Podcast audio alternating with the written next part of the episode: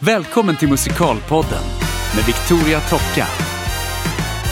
Hej och välkommen till Musikalpodden Rolf Lydahl. Tack så hemskt mycket. Vad roligt att du ville komma och prata med mig. Ja, jag är väldigt glad att jag får vara här. Det känns som en ära. I Nej. Denna. Jo, nej, men, eh, skämt åsido. Men eh, jag har ju lyssnat en del på dina poddar och det är ju eh, idel fantastiska musikalstjärnor som du eh, har med i dina poddar. Och jag känner mig ju lite som en katt bland hermelinerna. Jaså, varför det?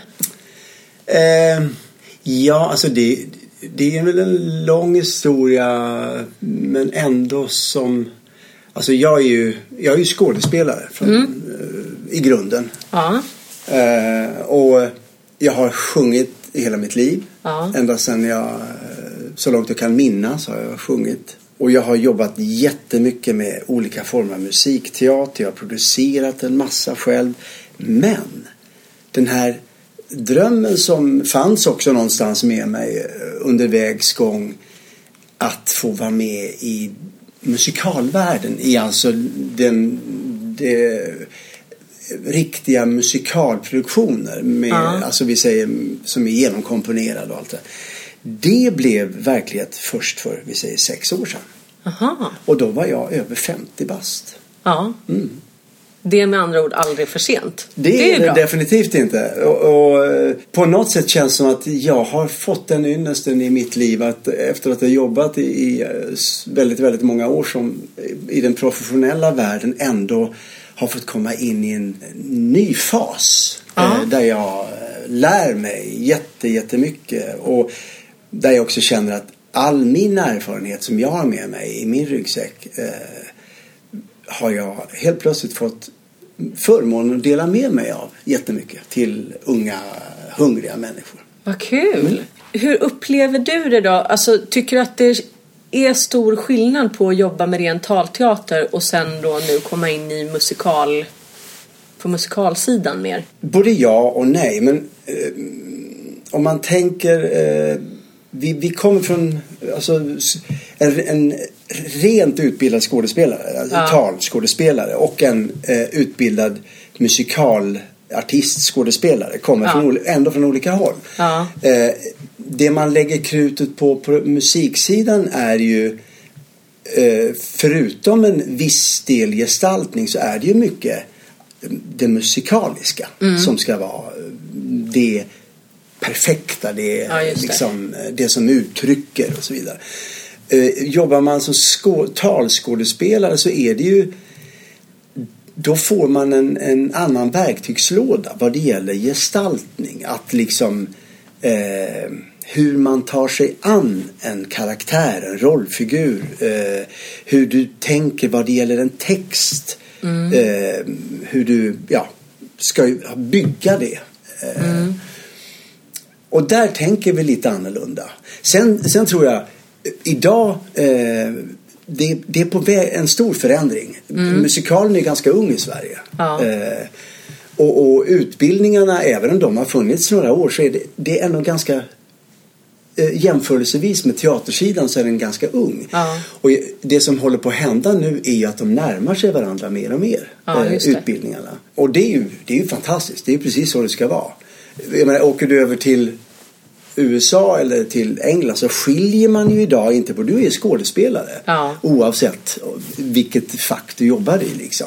Tyvärr är det ju så att här märker man ju fortfarande i Sverige tycker jag att man skiljer på Ja, men jag, jag tror att jag håller med dig om att det börjar närma sig varann. Och det, där kan man ju se också på den, eh, alltså på den, klassiska sidan, alltså operasidan. Eh, där händer det också jättemycket gestaltningsmässigt tycker jag. Det är en väldig skillnad idag, oftast får man väl säga, att gå och titta på en operaföreställning än som till exempel för 25 år sedan. Ja. Hur man poserade och stod och sjöng med sina fantastiska arior. Men idag ser du en helt annan man vågar mycket mer idag inom den genren också. Liksom. Ja. Men tycker du att du eh, alltså från andra skådespelare, alltså rena skådespelarkollegor har de fortfarande liksom förutfattade meningar om musikal och hur, vad tycker de om att du gör musikal nu? Är det något du liksom får... Jag, jag tror, jag tror att det, det finns, det, det finns en, ingen gen, inget generellt svar på det. Nej. Eh, för att det är som jag säger, vi är inne i en sån tid där eh, jag menar, titta på, på Stadsteatern till exempel där jag har jobbat en hel del. Man kan bara gå tillbaka en kort, kort tid i historien där det inte var på tal om att det skulle göras musikal på Nej. en sån institution. Nu gör man ju det. Nu är det musikal på repertoaren där hela tiden. Liksom. Ja. Men, men visst finns det ändå en, eh, någon form av rädsla tror jag. Eller liksom eh, tyvärr ho- hos vissa tror jag man ser ner på den formen. Eh, till viss del. Och jag, som jag säger, man kan inte vara generell alls i det här men det är sådana strömningar som man kan ändå snappa upp här och varifrån. Sen tror jag det finns väldigt många då skådespelare som skulle vilja vara med i det andra också. Men de vågar inte. Eh, för att det har man en gång eh, liksom tagit åt sig och förstått vad det innebär eh, att jobba med musikal. Så inser man att det är extremt svårt och det är, kräver en enorm kunskap liksom om, ja precis som inom, inom talteatern så måste du ha allt på fötterna du, för att kunna klara det hantverket det gäller musikal. Jag, jag tror att eh, om den utvecklingen kommer att fortsätta som är i, i, i stad nu så, så tror jag att vi kommer att se en otroligt större mix framöver. Eh, Det vore väldigt kul, tycker jag. Men jag, jag det är också det som skrivs idag. Nya musikaler som skrivs och, och ny även då talteater. Tenderar, talteatern då tenderar ju mycket mer att bli musikteater. Alltså Mm. att man väver in mycket mer musik idag i föreställningar än vad man gjorde tidigare till exempel. Ja. Är det någonting man märker på teaterutbildningarna också? Alltså har de lagt till mer eh, musik eller sång eller... Alltså, jag, där ska jag, den ska, det ska jag inte svara på för det vet jag inte. Nej. Eh, Så det är bara någonting jag funderar över. Om det nu går lite åt det hållet så kan man ju Ja. tänka sig att... Men jag tänker bara en sån sak att eh, om man tittar på Göteborg Ja. eh, där då artisten, där många olika former av utbildningar Ja. eh, är i samma hus. Ja. Så blir det ju av sig själv redan där en mix av att jobba tillsammans eller utbyta tillsammans eh, olika erfarenheter och så. Det tror jag kommer bli mer och mer framöver eh, överhuvudtaget. Just den här menar, STDH här i Stockholm är ju också idag en jätteblandning av nu inte musik kanske men där är ändå en massa olika konstformer blandade. Liksom. ja, just det. Så jag tror att man kommer att se en enormt stor förändring överhuvudtaget inom konstspråket liksom framöver. Ja. Men eh, när jag gick på eh, scenskolan eller teaterhögskolan som det numera heter då det var ju på 80-talet. Då hade vi ju eh, musikinstudering. Notlära, sångpedagogik och, och allt sånt där. Så Ja. det ingår ju en viss del naturligtvis. Men inte alls på samma sätt som på en musikalutbildning. Nej, men då finns det i alla fall någonting. Ja, ja. liksom. Det gör det. Absolut. Ja. Eh, vilken var den första musikalen du gjorde? Det var eh, på Stadsteatern musikalen här. Aha. Och hur kommer det sig att du hamnade i den då? Eller... Ja, då, alltså då gick jag ju på olika kon- kontrakt där. Jag hade varit där i fyra år kanske på, på Stadsteatern. Ja.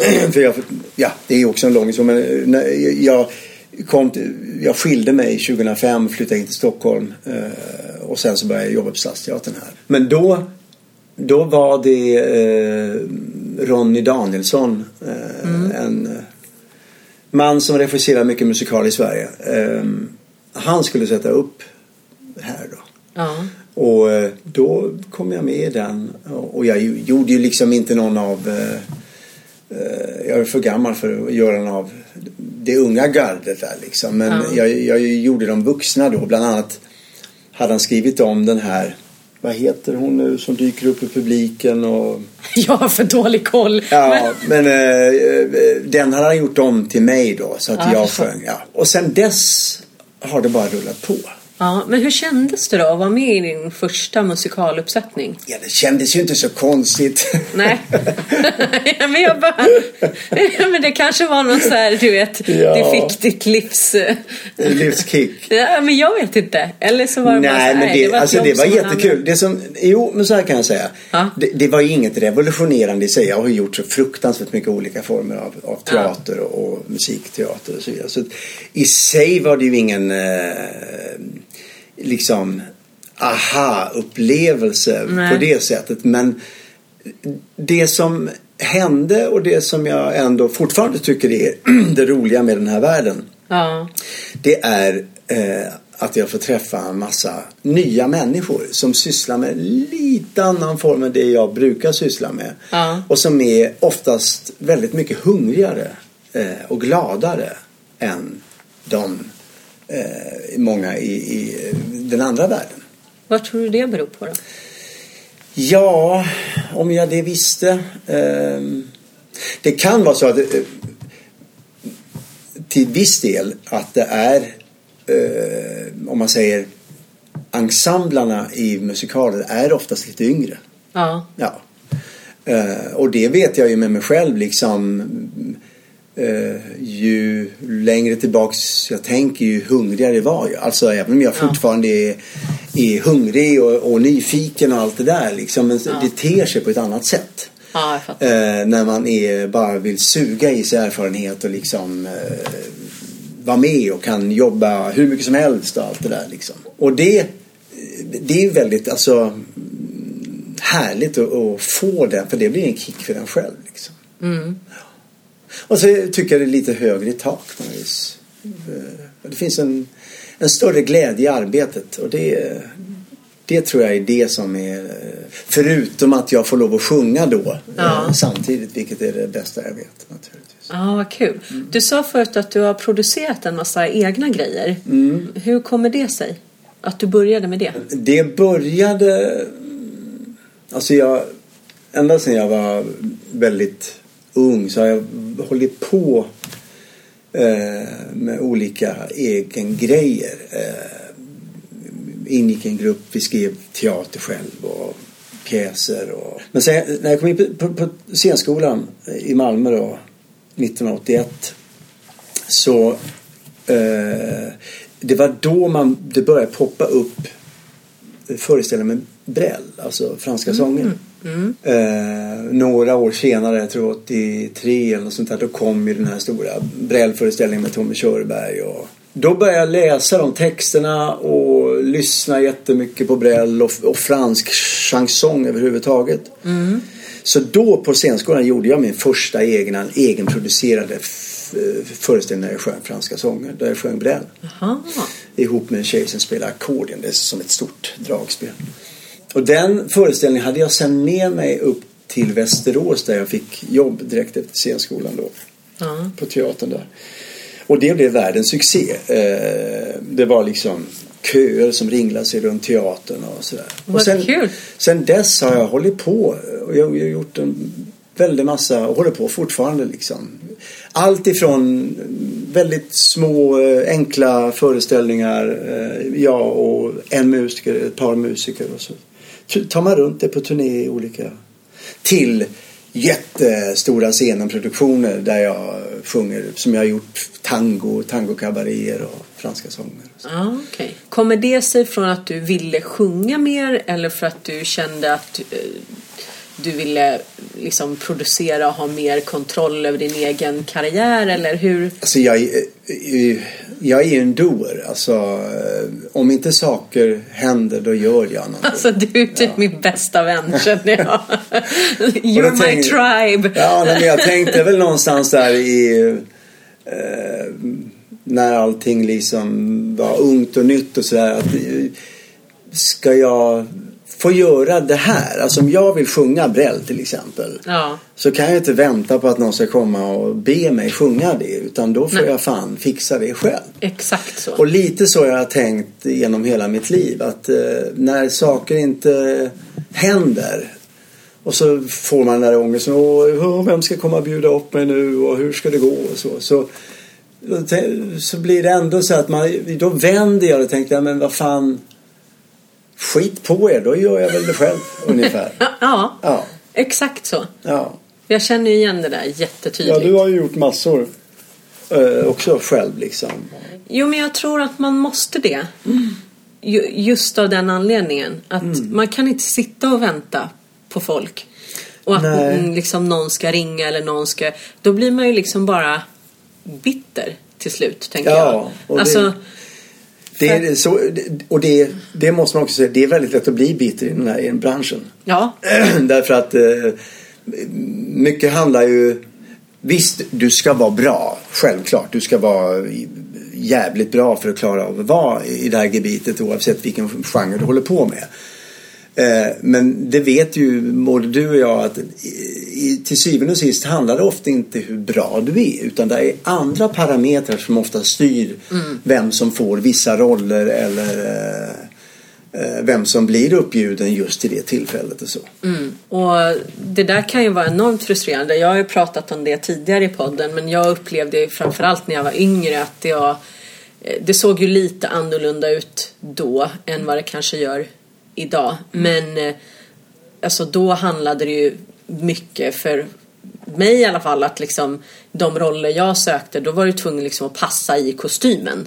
Förstår du vad jag menar? Det var så detaljstyrt att liksom om du inte hade vissa mått och kom i de kostymer som redan fanns då blev du inte ens påtänkt för jobbet.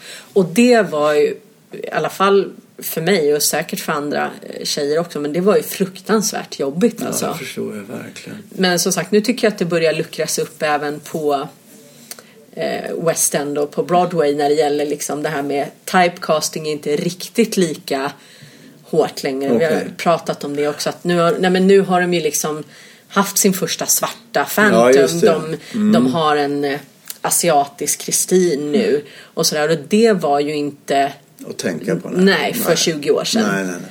Så att eh, det är nog mycket som håller på att ändras Det tror jag också. Eh, överhuvudtaget. Och det är tur i det säger jag. Mm. Eh, för he, hela den här liksom, förstockningen i att bara tänka i ett spår. Det, det, då gräver man ju en grav som slutar i, i elände liksom för hela branschen.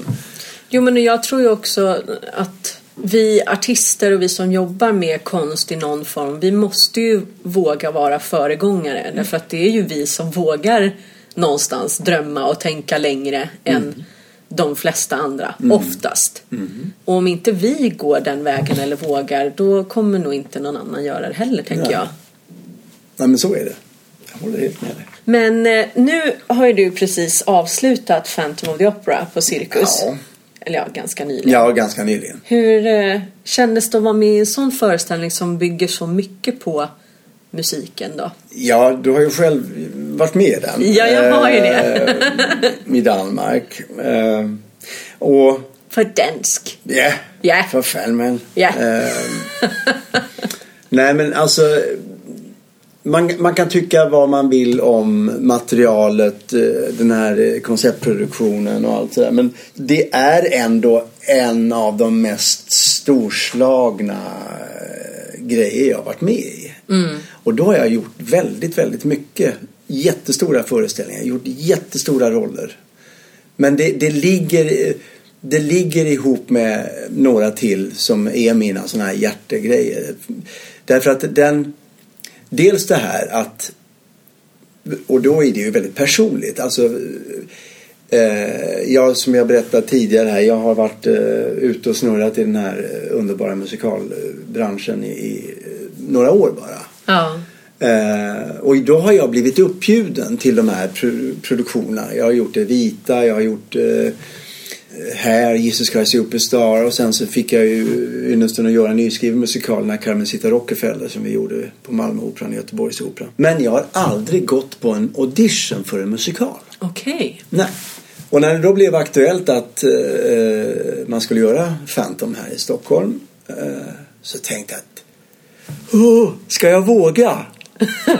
eh, men jag skickade in eh, papperna och eh, det, var, ja, det var väl i slutvevan när vi gjorde Evita ja. Och jag blev då eh, kallad till första omgången. Eh, Ja. Och där, där man fick sjunga e- egenvalt material. Vad sjöng du Och då hade jag, jag hade precis haft en enorm eh, sån här halsinfektion. För jag hade, sista föreställningen på Evita hade jag nästan inte kunnat genomföra. Minst den, Oj. min understudy hade fått hoppa in då. Ehm, men jag, jag var bättre men jag var fortfarande ganska rosslig.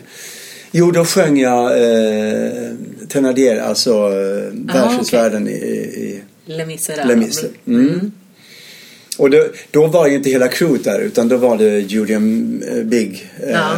och några svenskar ifrån produ- produktionen så att säga. Just det. Så jag sjöng den och fick callback. Eh, och då fick jag ju materialet eh, till de här eh, managers, eh, Men det var, ju, det var ju knepigt. Det är alltså rytmiskt, eh, sångmässigt inte så svårt kanske, men rytmiskt sett är ju de ganska knepiga de här scenerna, Ja. eh, managerscenerna.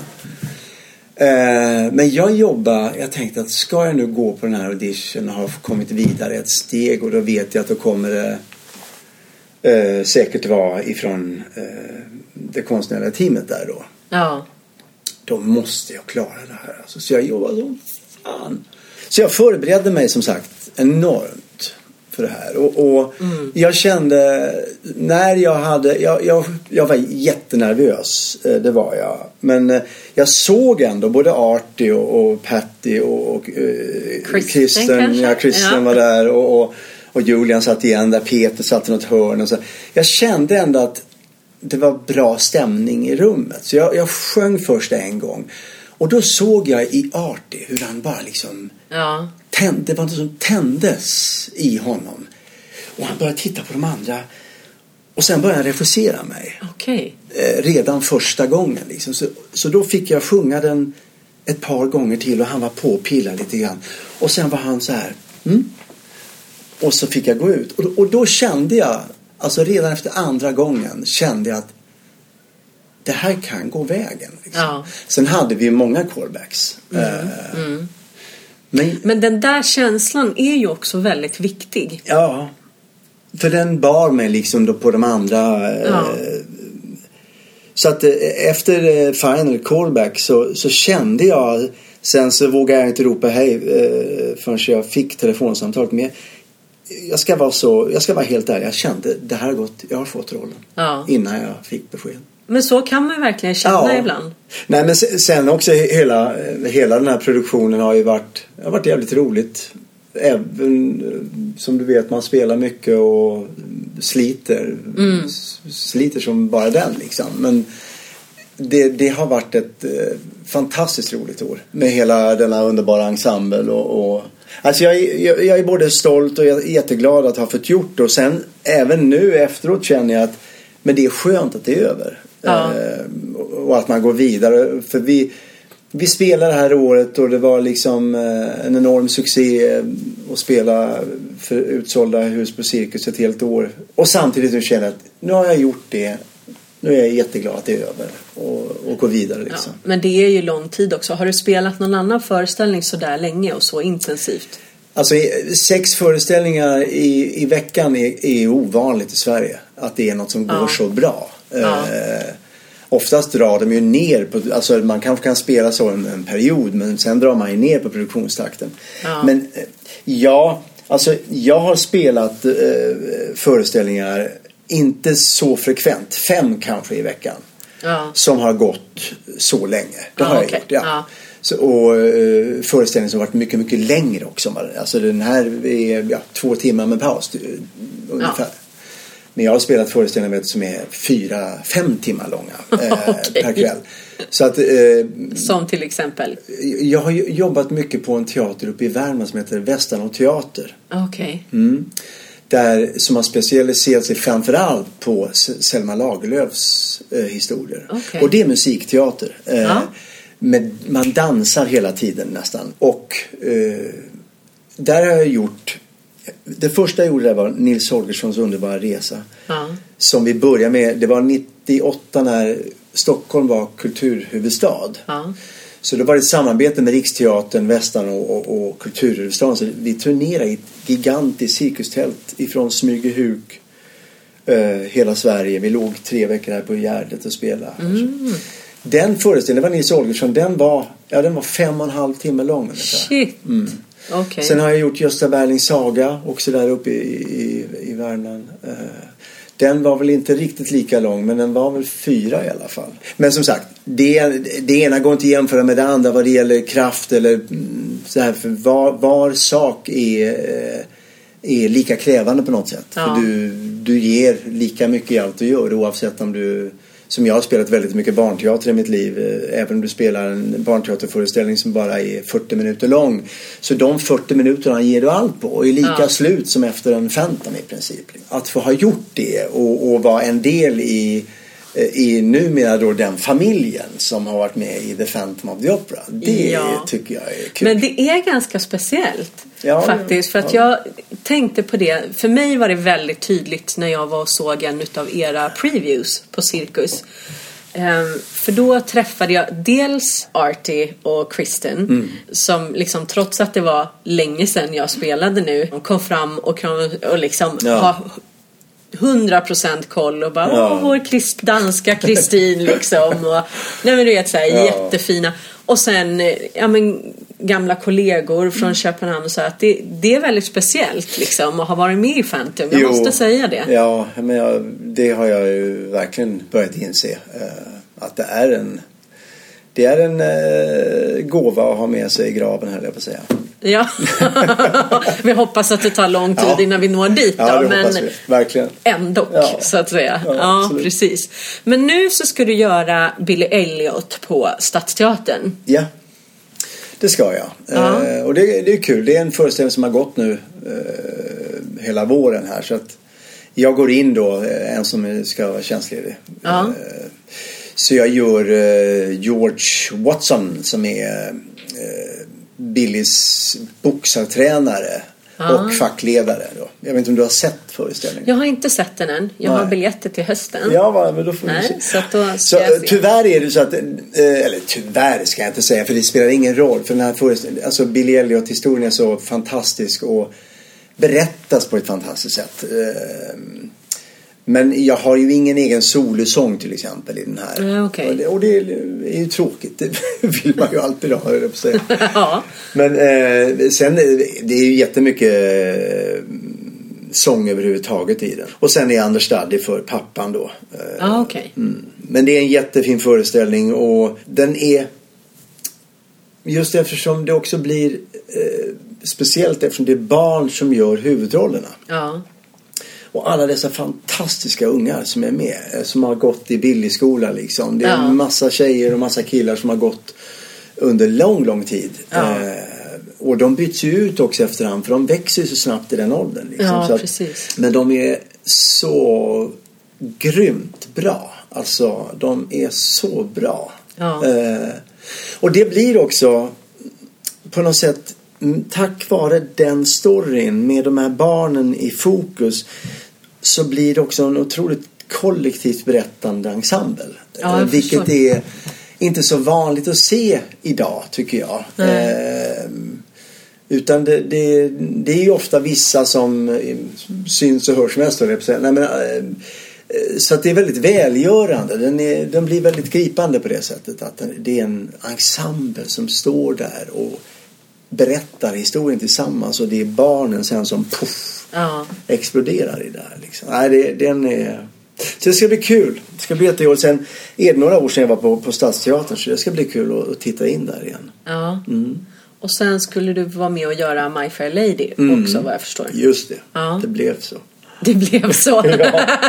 ja. Okej. Nej men eh, det, eh, det, vi får väl se vad det, vad, vad det blir. Ja. Eh, eh, och nu är det då eh, Lisa Kragerup som är en dansk regissör. Ung tjej. Mm. Eh, och det är faktiskt en av anledningarna att jag tackar ja. Eh, för jag tycker hon verkar jättespännande. Vad Eh, kul. Ja, för det, det, det är också en... My Fair Lady är en ganska speciell story. Det gäller att man har någonting eh, nytt för att den ska kunna kännas lite fräscht. Ja, tycker jag tänkte precis säga det. För Ja, att det är ju liksom inte är- den... eh, Ja, den Ja. känns ju lite dammig om man får Eller säga så. hur? Ja. Ja. man får säga så. Den är ganska sunkig. Ja, men för mig så känns det som en så gammal farfarsklocka som ingen har dammat på liksom. Ja, Mm, så att, ett par år. Ja, jag, Alltså lite så. jag håller med dig. Och jag, jag, men när jag träffade Lise så kände jag att det är helt rätt att det är en, dels en, en, en kvinna som sätter upp det. Ja, eh, och att hon är, verkar vara ja, briljant på något sätt. Ja, I- vad kul. Så att, eh, ja, det ska bli jättekul. Får man kanske gå och se det då? Gör det. Kanske få offra mig. Ja, du får. ja, men, nej men alltså nu när du berättar om det på det viset då känns det ändå som att Ja, det kanske kan vara därför kul jag att hade se. också mina, jag hade också mina liksom issues vad, vad det gäller om jag verkligen ska man göra My Fair Lady idag överhuvudtaget? Tänkte jag. Ja, Det finns så mycket annat kul att berätta om. Och då måste jag ju säga eh, jag var och såg på Fun Home. ja, den har jag också sett. Eh, Så nyskriven bra. musikal eh, som har gått på Broadway. Mm. Eh, och som då Carolina Frände satte upp här på, på Stadsteatern med Frida, hon har så konstiga efternamn. Nej, Frida Modem Treichel. Treichel, ja men jag, jag brukar säga tre, Trekki. Nej men det är Treichel, ja. Ja. Sorry Frida. Så, som var, den var så bra. Det är Ja. faktiskt något av det bästa jag har sett utan att, att ljuga. Och då, jag har sett Mm. ganska mycket. Inom, inte minst inom musikalbranschen liksom. Och då, en, en, en historia som är, är värdig att berättas. Och Mm. så på detta fina sätt. Med underbar musik och eh, eh, ja, Frida är ju lysande. Eh, och Fredrik Lycke. Och, Ja. ja. Det var en jättefin föreställning. Det håller jag verkligen med så var, det är sorgligt att den inte fick gå längre tycker jag. Men eh, Men man kan väl hålla tummarna för att de kanske vågar ta upp den igen eller så. ja, Alltså den svenska publiken börjar ju också, tycker jag, bli modigare när det gäller att gå på nyare grejer. Mm. Det är därför man kan bli lite trött då när man känner att man måste sätta upp My Fair Lady. Liksom, och speciellt på en teater med statliga bidrag Mm. och sådär så kan jag känna att det blir lite så här, men kom igen nu. Ehm, men som sagt, det är inte jag som sitter i ledningen där Nej. och bestämmer så att det är nej, inte upp till inte mig. jag men... heller. Nej, och, så att så är det. Men eh, det känns som att Fun Home till exempel, i och med att det inte var den mest kända eh, liksom, grejen, skulle kanske ha behövt mer tid också. För det känns som att publiken verkligen började strömma till mot Mm. Absolut. slutet. Ja, för att det folk började fatta folk hur börjar bra det prata, var. Ja, precis. Folk börjar prata om det. Och, Men du jobbade, sa du också, med Kamisita Rockefeller. Mm. Nyskrivet svenskt. eh, ja, det var ju också jättekul. Därför att, eh, känner du till historien någonting? Ja, lite grann. Ja, det, det bygger på, det är en sann historia om en kvinna i, i, i Malmö på 70-80-tal. Eh, Hon blev dömd i rätten 81. Men det här pågick under 70-talet.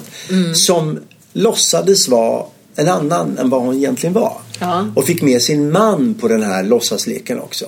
Hon påstod bland annat att hon då var medlem av familjen Rockefeller i Ja. USA. Och att då brorsan, eh, som då var hennes man, var eh, eh, CIA-agent. Okej. Eh, och hon själv var hjärnforskare. Mm. Och hade lösningen på cancerns gåta. Ja, det är bra. Bland annat. Hon var dotterdotter till kejsare Hirohito av Japan. Alltså det är sådana osannolika grejer. Men det, det, det skikt hon då kom att umgås med nere i Skåne via en reservofficer, det var den jag spelade, Ja. som hon då levde tillsammans med i sju år trots att hon samtidigt var gift med en annan man som i den här leken spelade hennes bror. Eh, Det måste ju vara skitjobbigt att hålla reda på det där för den här Ja, stackars det, är en, kvinnan. det är en sån osannolikt fantastisk story alltså. Eh, och, och folk gick på det. Och det var till och med så att vissa av de här högt uppsatta lobbade för att de skulle få Nobelpris. Oj. Och detta är, detta är sant alltså. Allt, allt är sant.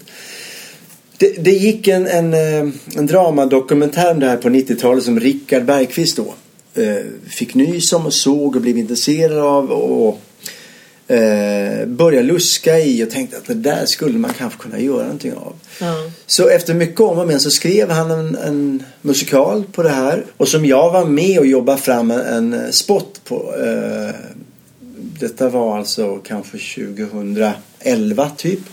Som vi var nere och sålde in i, på Malmöoperan sen. 20 minuter liksom visa upp. Så här skulle det kunna se ut. Ja. Eh, och de köpte det rakt av i princip. Så att det blev utvecklat och färdigt och vi hade premiär där nere 2013.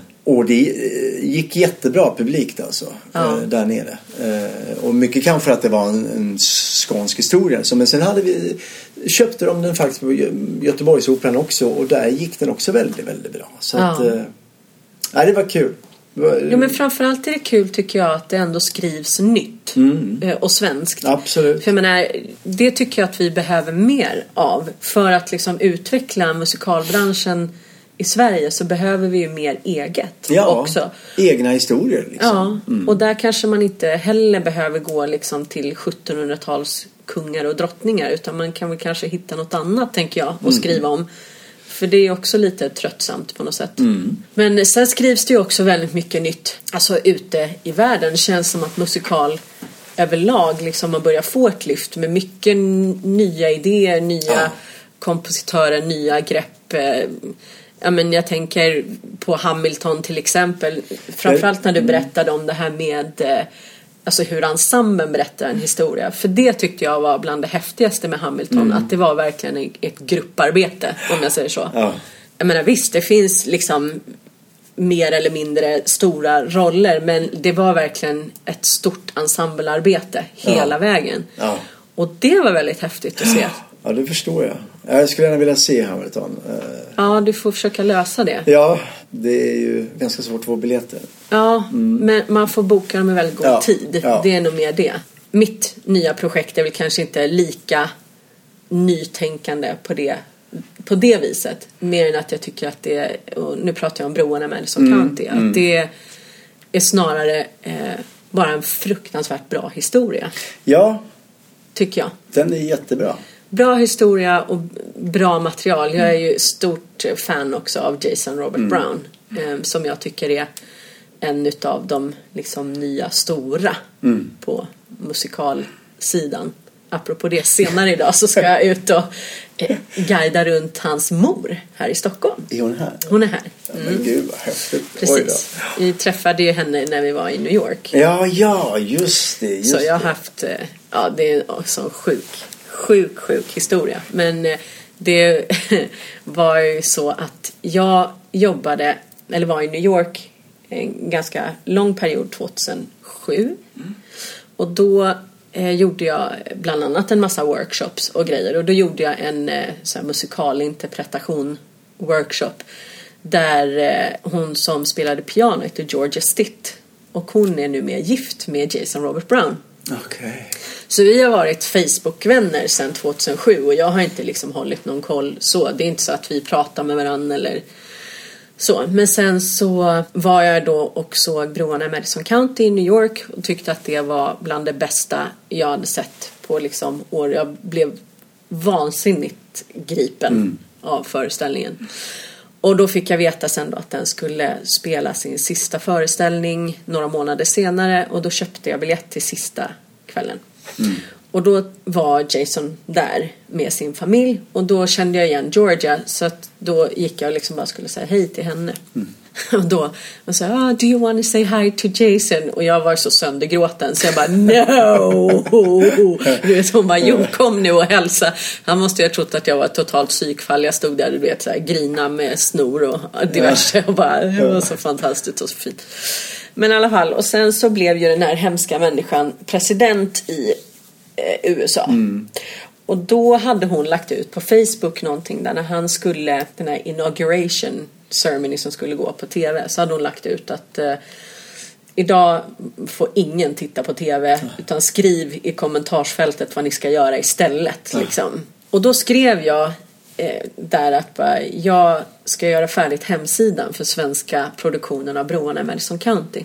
Och då var det en eh, kvinna som kommenterade det där, ska broarna i Madison County upp i Sverige? Ro- eller liksom, det har jag inte hört något om. Och jag bara, jo den, den ska upp och ja, för jag kommer till Sverige och sen liksom, kan man komma och se den. Och då, ja det är först hösten 2018. Men om du vill ha mer information eller så kan du liksom skicka ett så här PM till mig. Alltså personal message. Och då fick jag ett eh, meddelande i inkorgen och så skrev hon en massa fina saker. Så var roligt och vad spännande att den ska till Sverige. Och, eh, och sen så längst ner i den här meningen så By the way I'm the mother. Och då först kollade jag vad hon hette. Och då heter människan Deborah Brown. Och då inser jag att jag så har suttit och chattat med Jason Robert Browns mamma. Och sen har det här liksom utvecklats under ett års tid. Okej. Typ där, ja men hon skriver till mig ibland och sådär. När jag fyllde år så fick jag så jättefint med You're gonna be a wonderful Francesca. och så här, kul. jättesött. Kul, kul. Ja, så när Daniel och jag var i, i USA här i maj då blev vi för det första bjudna på middag av Jason Robert Browns storebror och hans fru i Des Moines, Iowa, där de bor. Och eh, sen var vi och åt brunch med hans mamma. Och hon är nu i Stockholm. Så att nu ska jag Wow. visa henne runt i Stockholm och vi ska häftigt. äta middag ikväll. Ja, vad kul. Så att det, ja men, så vi är friends of the family. Ja, jag förstår. Jag Men det är förstår. sån här, ja, helt osannolik historia men som bara liksom har råkat. Ja, verkligen. Ja. Men eh, vad tänker du dig inför framtiden då? Alltså, du har gjort ganska mycket tv och film och sånt Mm. också, eller hur? Och det gör du fortfarande in emellan alla Ja, jag har precis eh, avslutat. Eh, jag gör en roll i Modus 2. Okej. Har precis slutat med. Så det är ju liksom det är ju någonting som pågår. Eh, sen växer inte de jobben på trän liksom. Men, eh, Nej men jag var ju inne och tittade på ditt jättelånga CV innan Ja. du kom nu. ja, Och du har ju gjort jättemycket saker så det är ju inte så att det dyker upp en grej varannat år liksom. Mm. Nej, det dyker upp lite då och då. Och jag har, eh, jag har en bra agent eh, här i Stockholm. Alltså agenterna fungerar naturligtvis lite annorlunda här än vad de gör. Mm, jag tänkte precis fråga det. Ja, alltså om man, man, så fort folk hör att man har agent så tänker de åh, då jagar de jobb liksom till er. Det är inte riktigt så, men däremot så via sin agent så är man ändå ajour med vad som händer. Eh, och castarna tar ju kontakt med agenturerna. Eh, och om de söker, som i mitt fall då, en man eh, som ska spela mellan eh, 45 och 60 säger vi. Då kan jag bara ligga i det spannet liksom som Ja. Kan vara intressant för det. Ja. Och då via min agent och så kan hon lägga fram, ja men då har vi Rolf här till exempel. Eller Ja, just så. det. Men sen, man får ju alltid själv vara på tårna också där. Alltså vad det gäller, man måste Även om agenturen med jämna mellanrum gör utskick och påminner castar om, om en snuna och att man finns och allt det Så får man själv också, jag gör ju det kontinuerligt, så här, eh, skicka runt liksom till Mm. eh, castar att hallå, jag finns, glöm Ja. mig inte. Och, och ja, man får ligga på. S- Som jag sa i början, det, man får ingenting gratis utan det, det här branschen är att vill man vara med så gäller det att vara i det liksom. Att Ja. jobba med det hela tiden. Liksom. Så här är det, jag, jag känner mig själv så otroligt privilegierad därför att jag, jag menar, om jag tittar tillbaks, jag har fått göra så många olika saker. Eh, och ibland är det bara lätt att, att mölja på och glömma vad man har gjort ungefär. Men jag brukar försöka i svåra stunder att tänka liksom bakfram. Men tänk Rolf, fan du har gjort det och det och det. Du har varit med i de sammanhangen. Vad gnäller du för liksom? Ja, jag vet inte vad jag ville komma med det här. Men jag, jag tänker liksom att det, vad som händer nu framöver. Så här, nu, nu vet jag lite saker som händer här framöver och, och kanske ännu längre då till 18.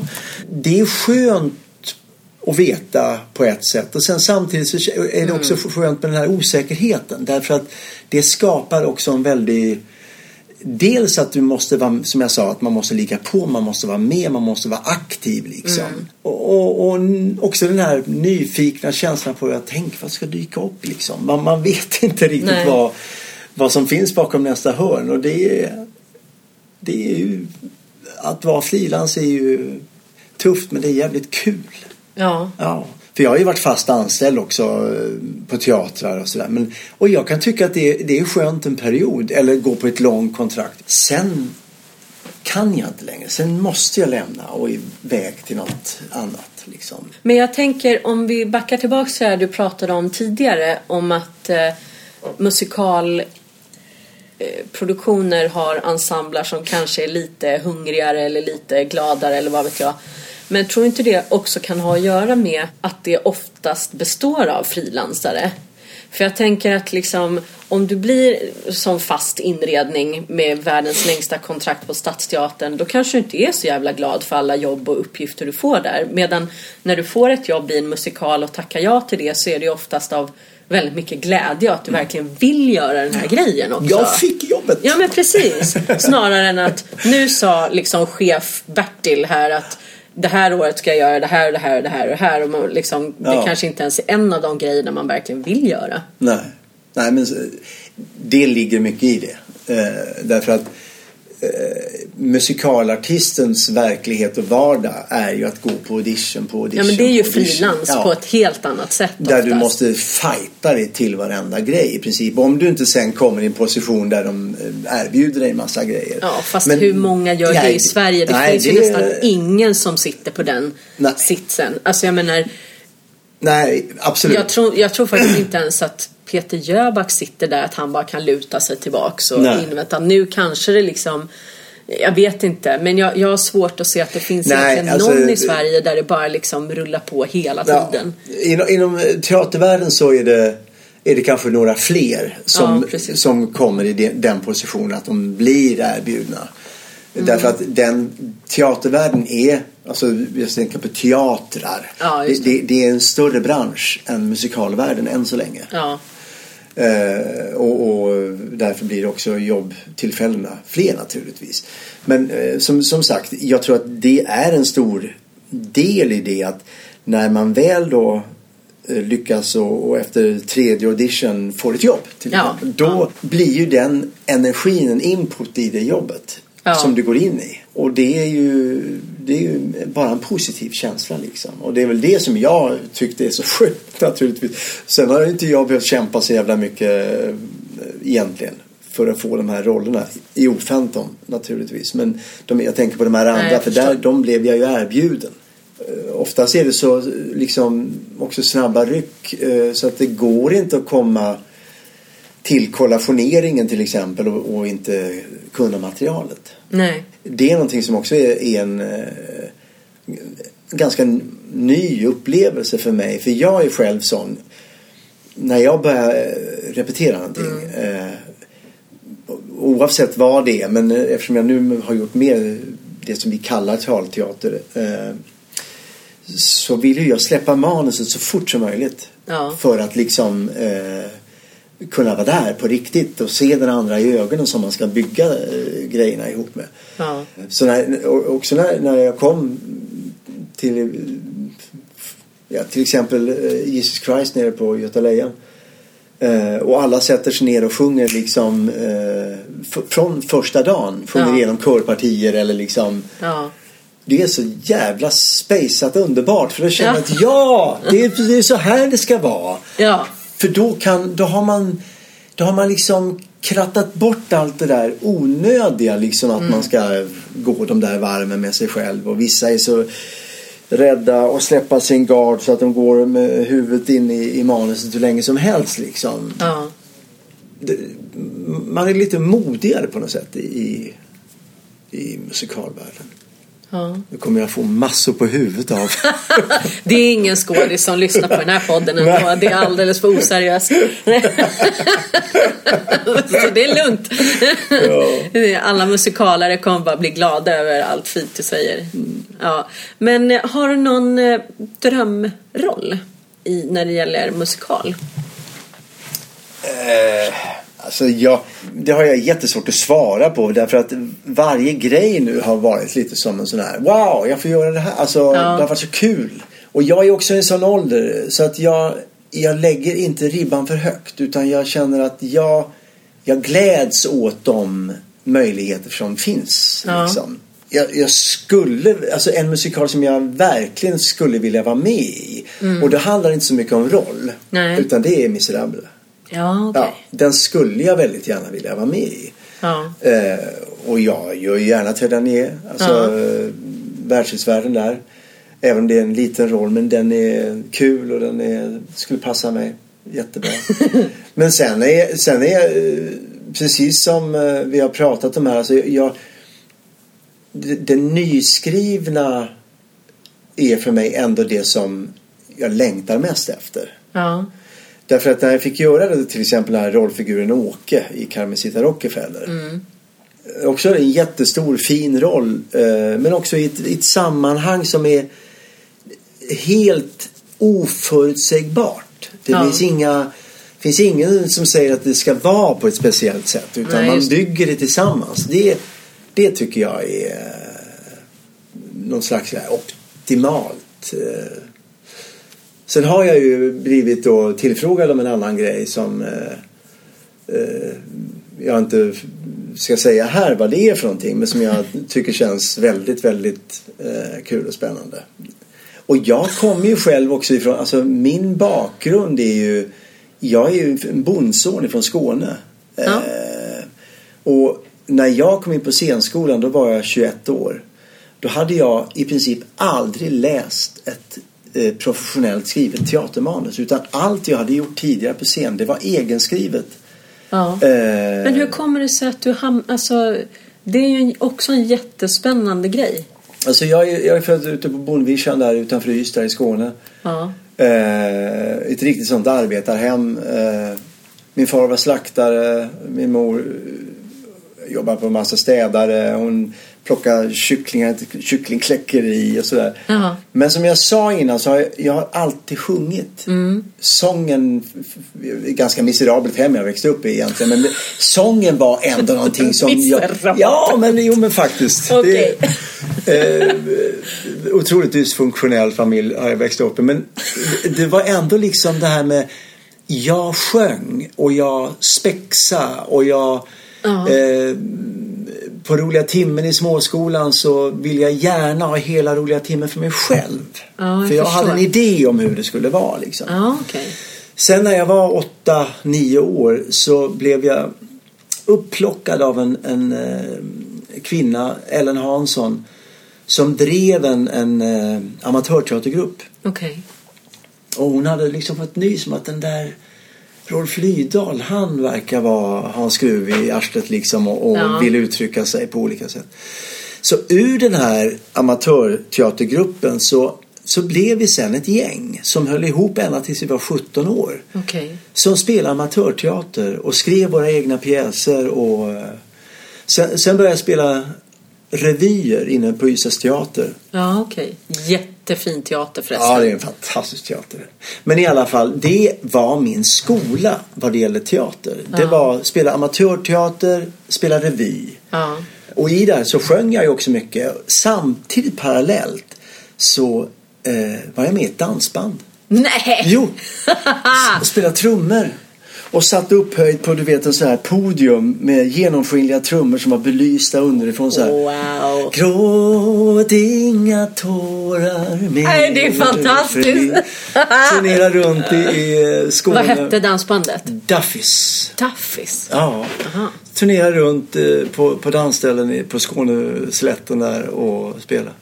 Då hände mycket. För dels började jag spela re- revy.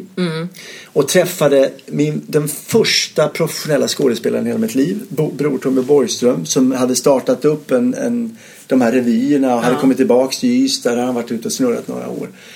Samtidigt i det här dansbandet i Duffys, eh, han som hette, var ledaren liksom, han hette, Staffan. Och, Ja. därav, och han var kallad för Duffys, så det var hans orkester liksom. Mm. Och då skulle vi utveckla oss tyckte vi, så då plockade vi in en ny gitarrist. En, en dansk kille som heter Jens. Okej. Och Jens, han var en riktig flumnisse. Alltså han rö- rökte på och han, eh, ja. Men han var fantastisk på gitarr. Okej. Och detta blev också undergången för Duffys. Därför att Ah. han var grym på att spela rock och blues. Ja. Så det slutade med att till slut gick vi till Staffan och sa vi vill inte ha det här dansbandet längre, vi vill spela rock. Jaha. Så då blev det rock och revy. Och sen så Bror Tommy Borgström sa till mig, han skådespelaren då att du måste ju söka scenskolan, sa han. Ja. Vad är det för någonting? sa jag. För jag eh, visste överhuvudtaget inte vad det var.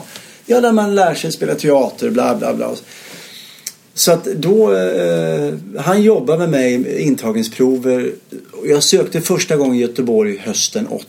Ja. Och sprack i andra provet där och undrade vad fan, vad då sprack? vad menar ni? Ja. Fattar ingenting. Eh, åkte hem till Ystad igen och jobbade vidare. Sen sökte jag Malmö hösten 81, alltså ett halvår efter och kom in då.